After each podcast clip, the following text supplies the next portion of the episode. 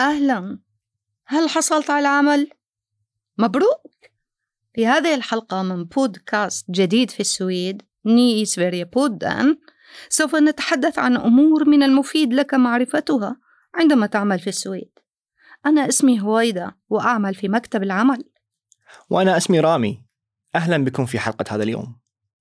بداية يسعدنا أنك حصلت على وظيفة ومبروك مرة أخرى. وأنت الذي لم تحصل بعد على وظيفة ولكن تستمع إلينا بغرض المتابعة لحين تبدأ العمل أو تحصل على العمل توجد بالتأكيد معلومات تحتاج إلى معرفتها. نعم في الحقيقة يوجد في السويد العديد من القواعد والاتفاقيات التي يمكن أن تدعمك وتساعدك كموظف ومن المهم جدا معرفة هذه القواعد والاتفاقيات. تماما. قد يحصل أنك لم تحصل على معلومات حول القواعد والاتفاقيات المتعلقة بالتوظيف من قبل رب عملك. بكل الأحوال لا تقلق هذا الأمر سوف تتعرف إليه. سوف تستمع الآن إلى المعلومات التي تحتاج إليها عندما تحصل على وظيفة. سوف نتحدث عن الراتب وعن ساعات العمل والإجازات وسنتحدث أيضا عن النقابات. العمالية فاك فوربوند وصندوق تعويض البطالة آكاسا ولماذا قد يكون من الجيد بالنسبة لك الانضمام إلى إحدى صناديق تعويض البطالة؟ نعم من المهم أن تصغي جيدا الآن وأن تكتب الكلمات المهمة لتقرأ عنها المزيد فيما بعد. لكن ما رأيك هويدا بما يتوجب علينا البدء به الآن؟ أنا أود المباشرة بالراتب. هذا ما سنفعله الآن. عندما تباشر العمل بوظيفة جديدة عليك توقيع اتفاق مع رب عملك. في هذا الاتفاق يجب أن يذكر المبلغ الذي سيدفعه لك كراتب قبل التوقيع على العقد. ربما تكونوا قد تحدثتم تفاوضتم حول الراتب وناقشتم ذلك لكن لن نتحدث عن ذلك تحديدا في هذه اللحظة. بالطبع لن نتحدث عن الراتب الآن لكننا سنتحدث عن أمور أخرى قد تكون استثنائية في هذه الحلقة بالذات. بالطبع أهم شيء هو أن تحصل على عقد عمل ينص على الراتب الذي ستحصل عليه ونوعية العقد. والعقود الأكثر شيوعا هي عقود العمل الدائمة والمؤقتة وعقد العمل تحت الاختبار. هناك اتفاقيات في السويد تحدد المبلغ الذي يجب أن تكسبه في مختلف المهن وتسمى الاتفاقيات الجماعية collective of toll وهذه كلمة صعبة. نعم إنها كلمة صعبة.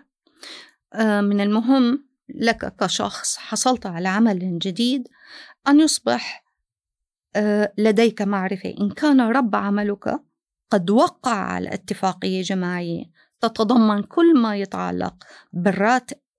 نعم. لكن ماذا تعني الاتفاقيات الجماعية؟ باختصار تتكون الاتفاقية الجماعية من مجموعة اتفاقيات مختلفة. تحدد القواعد بشأن مقدار الراتب الذي يجب أن تحصل عليه وعدد الأيام الإجازة التي ستحصل عليها ومعاشك التقاعدي والتأمينات وما يسري عند حاجتك إلى العمل لساعات إضافية وإذا مرضت وغير ذلك. يعني لو كنت أنا سائقة حافلة أستحق راتبا معينا وإجازة ومعاشا تقاعديا على سبيل المثال. وذات الشيء يسري مفعوله إذا كنت أعمل مربية أطفال أو بائعة في متجر أو ربما موظفة في مكتب العمل؟ تماما. لا يمكن لرب عملك أن يقرر أنه يجب أن تحصلين على أجر مقداره 15 ألف كرونة سويدية وأن تحصلين على إجازة سنوية لمدة عشرة أيام بينما يحصل زميلك الذي يقوم بنفس العمل بالضبط على راتب مقداره 25 ألف كرونة سويدية وعلى 25 يوم إجازة سنوية. ينبغي ألا يحدث ذلك. تنفرد السويد بقوانينها المتعلقة بالإجازات وذلك بسبب أن السويد لديها قانون يسمى قانون الإجازات. وبناء على هذا القانون يحق لك آه، الحصول على 25 يوم على الأقل إجازة في كل سنة إذا كنت تعمل بدوام كامل.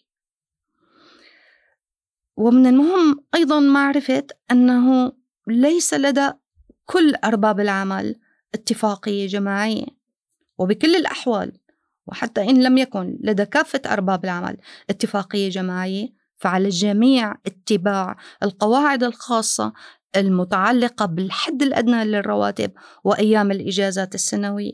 نعم إذا لم يكن لدى صاحب العمل اتفاقية جماعية فربما هناك مزايا لا يحق لك الحصول عليها. فربما لن يكون لديك معاش تقاعد الخدمة أو تأمين منصوص عليه في عقد عملك أو إمكانية الحصول على الزيادة السنوية للراتب. لذا تذكر في حال عدم وجود اتفاقية جماعية ينبغي عليك أن تسأل رب العمل عما إذا كنت قد حصلت على تأمين وفقا للاتفاقية الجماعية. على سبيل المثال تأمين إصابات العمل فورا فوشيكرينج تماما ما أريد قوله الآن هو أنه ممكن لكل مستمع آه، أن يعرف المزيد حول ما ذكرناه حتى الآن من خلال البحث حول موضوعات نقابات العمال، الاتفاقيات الجماعية، تأمينات الإصابة في العمل، التأمينات الأخرى على صفحات الإنترنت. وأيضا ممكن وجود آه، معلومات حول نفس هذه الموضوعات على الصفحات الإلكترونية لاتحاد آه، نقابات العمال fackförbund أو على صفحات ممكن اختصار fackförbund facket كما يقول الكثيرون. ربما ينبغي علينا أن نحدثك عن هذا أولا.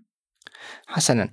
من الصعب معرفة الترتيب الذي سيتم بموجبه تناول ذلك فكل شيء متصل ببعضه البعض نوعا ما. أن النقابات العمالية fackförbunden هي التي تتفاوض على الاتفاقيات الجماعية kollektivavtalen وهناك العديد من النقابات لمختلف المهن. تماما. النقابة آه، إذا بدنا نعرف النقابة بالعربي النقابة هي جمعية يمكنك أن تصبح عضوا فيها. ويتخذ عادة جميع أعضاء النقابات القرارات معا. لا يحق لأي شخص أيا كان أن يمنعك من أن تصبح عضوا في نقابة أو يسألك لأي نقابة أن تنتمي. فهذا أمر سري هذا أمر خاص بك أنت. ولا يحق حتى لرب العمل أن يقول لك أنه غير مسموح لك الانضمام إلى نقابة ما. نعم هذا وصف واضح وجيد. في حال نشأ نزاع في العمل فقد يكون من الجيد الانتماء إلى نقابة عمالية. على سبيل المثال إذا تم فصلك من العمل لأنك حامل أو إذا رفض صاحب العمل منحك إجازة سنوية فيمكنك اللجوء إلى نقابتك العمالية وطلب المساعدة. ثم لا يتوجب عليك الوقوف بمفردك أمام صاحب العمل بل أن النقابة بأكملها هي التي ستقف بجانبك وتساعدك في الدفاع عن حقوقك. هل تقصد أن جميع أعضاء النقابة التي أنتمي إليها يستطيعون المجيء معي والتحدث أيضا إلى رب عملي؟ بالطبع لا. لكن يمكنهم مساعدتك وإخبارك بما ينطبق عليك وما يحق لك. وربما رفع كل ذلك إلى المحكمة إن لزم الأمر. إنهم بمثابة عامل أمان إضافي بالنسبة لك كموظفة. آه الآن يفكر ربما أحد مستمعينا بفي أن النقابة تبدو جيدة. ويقول لنفسه أريد الانضمام إليها الآن فورا فماذا عليه أن يفعل؟ وكيف يعرف مستمعنا إلى أي نقابة سوف ينتمي أو أي نقابة تناسبه؟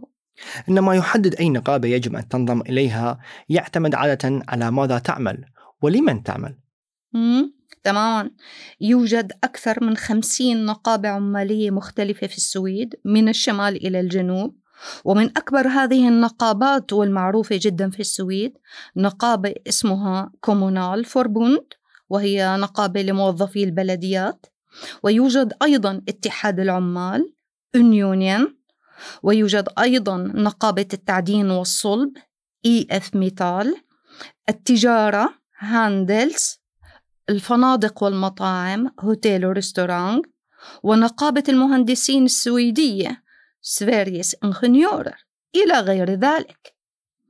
لذا ليس من السهل على المرء بداية أن يعرف أي نقابة تناسبه بشكل ممتاز. في بعض الأحيان يذكر في و... في إعلان الوظيفة الشاغرة آه، اسم النقابة الموجودة في مكان العمل. وفي أحيان أخرى يمكنك أن تشاهد ما هي النقابة الموجودة في مكان عملك في عقد العمل نفسه.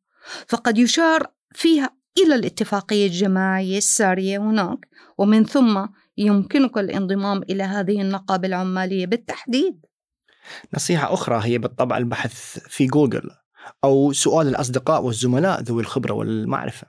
يعني تقصد رامي أنه ممكن البحث عن أي نقابة في السويد عبر عمو جوجل؟ نعم بالضبط. لدينا شيء أكثر أهمية يجب أن نتناوله في حلقة اليوم.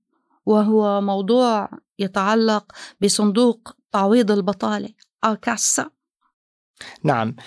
لقد التقيت بالعديد من الأشخاص الذين يجدون صعوبة في فهم الفرق بين صندوق تعويض البطالة آكاسا ونقابة العمال فاكفربوندن. تماما. هذا موضوع جدا صعب آه بالنسبة للكثيرين. آه إن لم يحصل المرء على توضيح حول ذلك فعلينا الآن أن نفعل ذلك. أن نوضح ما هو الفرق بين آه صندوق تعويض البطالة وما بين نقابة العمال. آه، عمليا يمكن اختيار الانضمام إلى صندوق تعويض البطالة أربس لوسيتس كاسا وهي تختصر عادة بكلمة آ كاسا كما يطلق عليها الكثيرون هذا الاسم. والآ كاسا آه، صندوق تعويض البطالة يشترط على أعضائه دفع مبلغ شهري صغير وهذا المبلغ هو رسم الاشتراك الشهري. وهذا جدا مهم القيام به عندما يصبح الشخص عاطلا عن العمل مما يعطيه الحق في تعويض البطالة. نعم. وبالتالي فهو يعتبر كتأمين يسمح لك بالاستمرار في الحصول على الأموال لفترة محددة حتى لو كنت عاطلا عن العمل. ولكن يجب أن تكون في هذه الأثناء باحثا عن العمل. ويمكنك قراءة المزيد حول المبلغ الذي يمكنك الحصول عليه وما هي الشروط للحصول على التعويض على موقع صندوق تعويض البطالة آكسا تماما. ومثل النقابات العمالية هناك العديد أيضا من صناديق تعويض البطالة في السويد وأغلبها ترتبط ببعضها البعض. والأمر متروك لأي شخص متروك لك رامي متروك لي متروك لأي مستمع لنا بأن يقرر إلى أي صندوق بطالة أو أي نقابة عمالية سوف ينتسب. ولكن الشيء الأكثر أهمية هنا هو أن نفرق ماذا يعني أن ننتسب إلى صندوق تعويض بطالة وأن ننتسب إلى نقابة عمالية. بالضبط. صندوق تعويض البطالة يمنحك تعويض البطالة عندما تكون عاطلا عن العمل. أما الأخرى فتدعى نقابة العمال ووظيفتها دعمك في عملك. ولك حرية الاختيار إذا أردت أن تكون مشترك في صندوق تعويض البطالة أو نقابة العمال أو كليهما أو ليس أي منهما. تماما كما تقول رامي آه، أن الشخص هو نفسه يجب عليه اختيار الانضمام إلى صندوق تعويض البطالة ونقابة عمالية. فهذا ليس بالأمر الذي يحدث من تلقاء نفسه بمجرد الحصول على وظيفة. يعني لو أنا حصلت على وظيفة جديدة هذا لا يعني أنني أصبحت عضوة في صندوق تعويض بطالة بشكل مباشر. يجب علي أن أقدم طلب انتساب لصندوق تعويض بطالة. وإذا أردت الانضمام إلى آه، نقابة عمالية أيضا يجب أن أقدم طلب للانتساب إلى نقابة عمالية نعم بالضبط. وحان الآن وقت نهاية حلقة هذا اليوم. لكن هويدا إذا شعر المستمع بصعوبة مواكبة الحديث أو يرغب بقراءة المزيد بنفسه. فإن يمكنه العثور على المزيد من المعلومات. تماما. ممكن. أسهل بسيطة للحصول على مزيد من المعلومات حول النقابات العمال حول صناديق تعويض البطالة وذلك من خلال أطلع على الإنترنت ابحث على الإنترنت على صفحات مواقع صناديق تعويض البطالة على صفحات نقابات العمال تجد المزيد والمزيد من المعلومات. هذا فيما يخص النقابات وصناديق تعويض البطالة ويمكن أن تقرأ على صفحاتهم أيضا آه، الأمور المتعلقة بالإجازات ببيئة العمل بالرواتب العضوية وغير ذلك. آه، أنا أنصح عمليا بالاطلاع على موقعنا على الإنترنت تحت عنوان آه، العمل في السويد. هناك الكثير للقراءة والاستفادة من المعلومات الموجودة. ليس فقط ما تحدثنا عنه اليوم ولكن توجد أيضا العديد من الأمور الأخرى والمهمة بالنسبة للشخص الذي يحصل على أول وظيفة له في السويد. وبالطبع توجد معلومات باللغة العربية. أتصور أيضا توجد معلومات باللغة العربية. شكرا لاستماعكم. نشكركم مستمعينا. لقد استمعت إلى بودكاست مكتب العمل جديد في السويد Ny i Sverige-podden. تجد جميع الحلقات السابقة على صفحتنا Arbetsförmedlingens playsida هل لديك أسئلة أو نصائح أو أفكار؟ راسلنا على بودكاست سنابل آ أربس فور تم إنتاج هذه الحلقة في ربيع عام 2023